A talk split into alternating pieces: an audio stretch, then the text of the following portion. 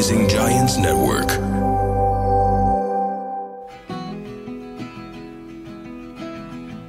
اليوم حابة أبدأ الحلقة بأقوال. أول مقولة حابة أقولها لسانك حصانك صنت صانك وإن خنت خانك.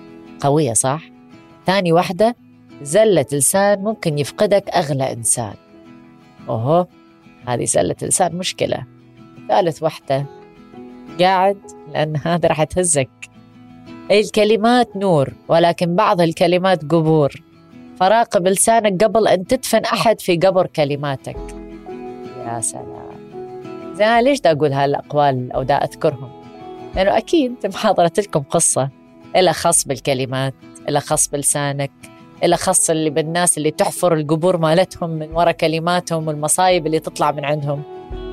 بلا ما أكمل بهذا الموضوع أتوقع أني من الناس اللي أقدر أقول ياما مسويتها. يمكن أنت أو أنت همين واقعين بهذا الفخ اللي لسانك آخ خانك من وراء يعني سرعة تفكير. خلينا نسمع القصة.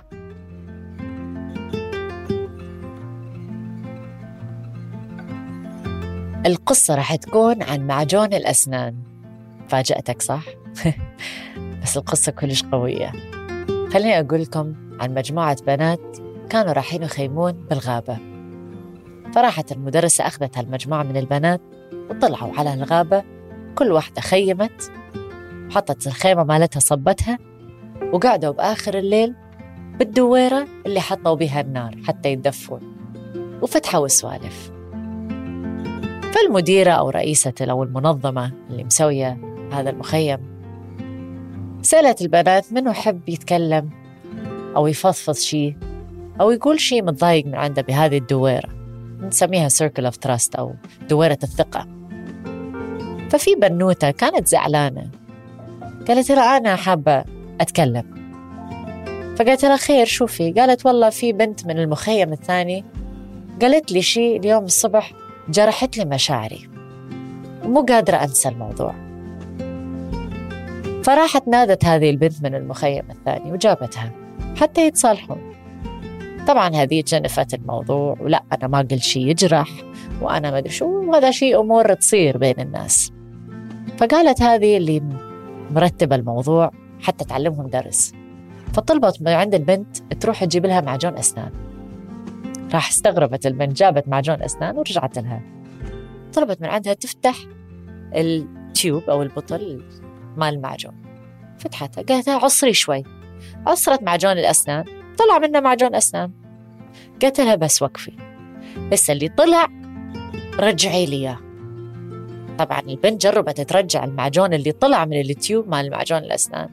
حتى ترجعه جربت كل الطرق بس تبهدلت يعني صار في بهدلة بالموضوع. جربت تدخله منه وكل المعجون صار حوالين البطل أو التيوب مال معجون الأسنان. فما عرفت الموضوع. فقلت لها صدق ما ما فهمت ليش أنا قاعدة أجرب أدخل معجون الأسنان اللي طلعته أرجع أدخله بالبطل نفسه. فقلت لها هذا معجون الأسنان بدي أشوف لكم إياه. أعلمكم الدرس عن لسانك حصانك إن صنت صانك وإن خنت خانك. هذه البنت اللي قالت كلام يجرح مثل معجون الأسنان اللي طلع من البطل مال معجون الأسنان. أول ما يطلع هذا الكلام ما نقدر نرجعه. مثل ما أنت جرحتيها بهذا الكلام لو جربت جربتي ترجعين كلامك حيكون الموضوع جدا صعب. Very messy. ما راح يكون نظيف أبدا إذا تجربين أنه ترجعين الكلام. فعدل الأمور وتأسفي واعتذري منها لأن هذا الكلام أول ما طلع ما يرجع. صفنة البنت اللي قالت لها كلام يجرح. ما توقعت أنه أنا كلامي هالأجر يعني بهالدرجة جرحك فأنا أعتذر. طبعا البنت يعني سامحتها بس أخذت بخاطرها وظلت طول السنين ما تنسى الكلمة اللي الله أعلم شنو قالت لها بس يعني بظاهر وايد جرحتها للبنت هذه. ما قدرت تعدل معجون الأسنان اللي قدر اللي طلع من البطل اللي هو كلامها. هذه قصة البنت قصة معجون الأسنان والحكمة من اللي وراها. سمعتوا الأقوال اللي قلتها؟ جاية الحكمة بس اخذوا لحظة.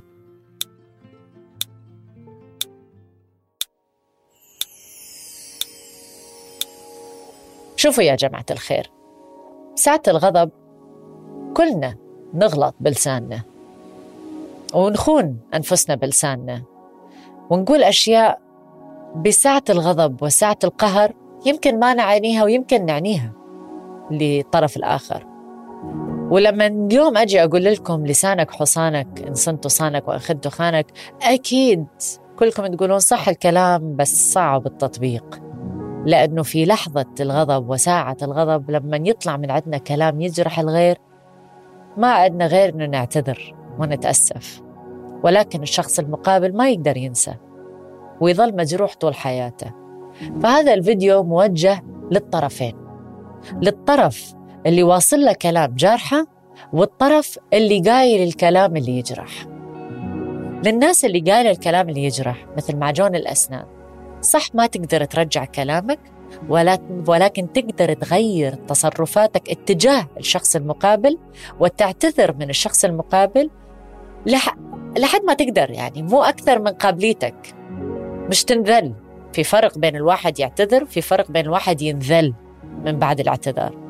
تعتذر تغير تصرفاتك وتثبت أنه أنت إنسان تغيرت بتصرفاتك تثبت من خلال تصرفاتك.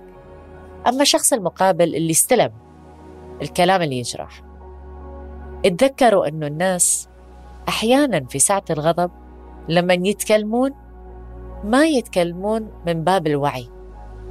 يتكلمون من باب اللي مش شايف قدامه من الآخر. يعني يطلع كلام غضب. وكواية الناس تفسر كلام الغضب أنه لا هذه الحقيقة المدفونة. هذا غير صحيح. هذه مو الحقيقة المدفونة. الواحد لما يكون معصب الكلام اللي يطلع من عنده فعليا اللي قاعد يصير من العقل اللاواعي هو كل الأشياء اللي تعصبة بينه وبين نفسه. فالشخص المقابل أصلا ما له دخل. ولاحظوا كل الكلام اللي يكون من الشخص اللي معصب اتجاه الشخص المقابل يكون عن الأشياء اللي هو يعصبه. يعني أنت تنرفزني أنت إنسان إلى آخره أنت أنت أنت بس كل اتجاه هو أن هذه الأشياء اللي تضوج تقهره فالأمور مش شخصية. اتذكروا أنه التسامح مع أنه مسويت لكم حلقة عن التسامح بس أرجع أذكركم أنه التسامح أولا يريحكم من الجروح اللي أنتم قررتوا تجرحون نفسكم بها من كلمات الآخرين. وثانيا التسامح حلو لأنه مو بس أنتم ترتاحون ولكن تزرعون الحب والطيبة بين الطرفين بين الشخص المقابل. فصح لسانك حصانك وإن صنت صانك وإن خنت خانك. ولكن همنا إن صنت صانك. يعني تقدر تعدل تقدر تضبط أمورك. أقوى الناس مثل الأمثال اللي قلت لكم إياها أو الأقوال اللي قلت لكم إياها إنه الواحد يحفر قبره بلسانه لأنه يتشفص بالكلام. إذا أنت من هذا النوع اللي تتكلم قبل ما تفكر دائما تذكروا إنه ممكن تأخذون خمس ثواني. فكر قبل ما تتكلم. قول الجملة براسك. بعدين إذا شفت أن هذه الجملة تريد تتكلم بها أو تريد تقولها للطرف المقابل إن كان في حالة عمل أو إن كان في العائلة إذا ردتوا تتكلمون هذا الكلام بس قولها براسك أول شيء مقنع؟ كلام سليم؟ بعدين تكلم انطق. ما حد لازمك بس لما نتكلم قبل ما نلحق أفكارنا تترتب أكيد لا تتوقعون إنه ما راح تحفرون قبركم بلسانك. لأنه ما مرتب أفكارك. والأفكار اللي مو مرتبة أكيد الكلام اللي راح يطلع ما راح يكون مرتب. فرتب أفكارك رتب كلامك فكر بالمقابل. فكر بالشخص اللي أمامك. هل هذا الإنسان ممكن ينجرح من الكلام؟ ولو انجرح كيف ممكن أبرر وأعتذر؟ أنه أنا مو قصدي أجرح المقابل ولكن أسلوبي هو اللي وصلني لهاي المرحلة.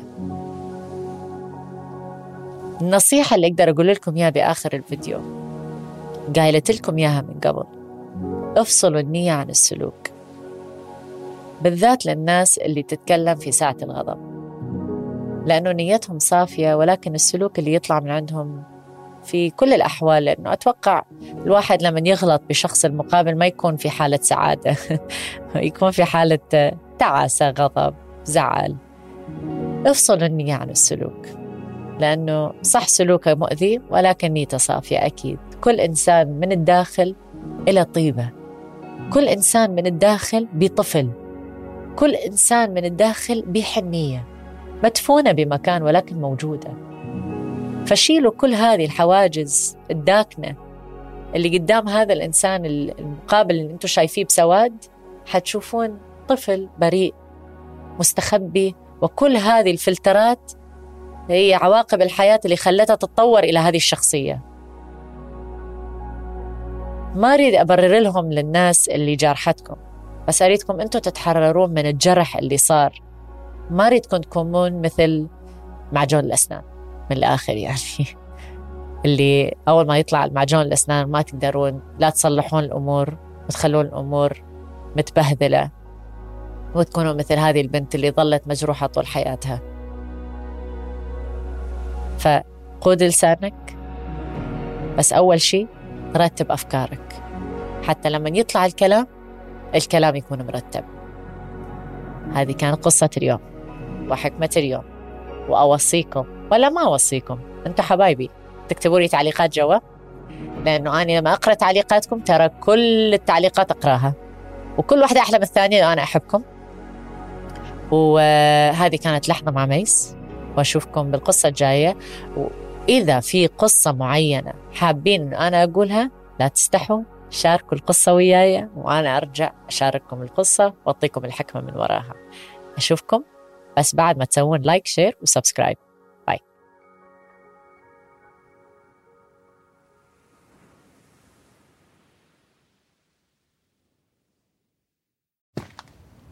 Taking charge of your future starts with taking the first steps. And saving up to $30 a month on Cox Internet with the Affordable Connectivity Program makes those steps easy to take. Whether they bring you to click upload on your first short film or join now for an online book club. Applying is easy. See if you qualify at cox.com slash ACP. Non-transferable one per household application and eligibility decisions are made by the FCC.